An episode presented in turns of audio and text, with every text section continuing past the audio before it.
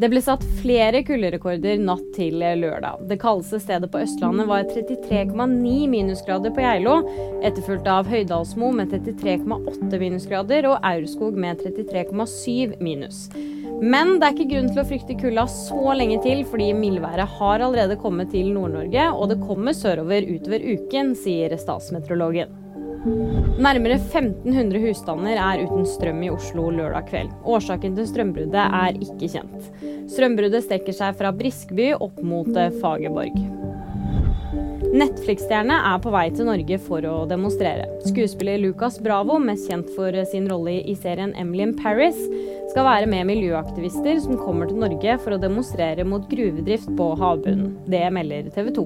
Og nyheter det finner du alltid på VG.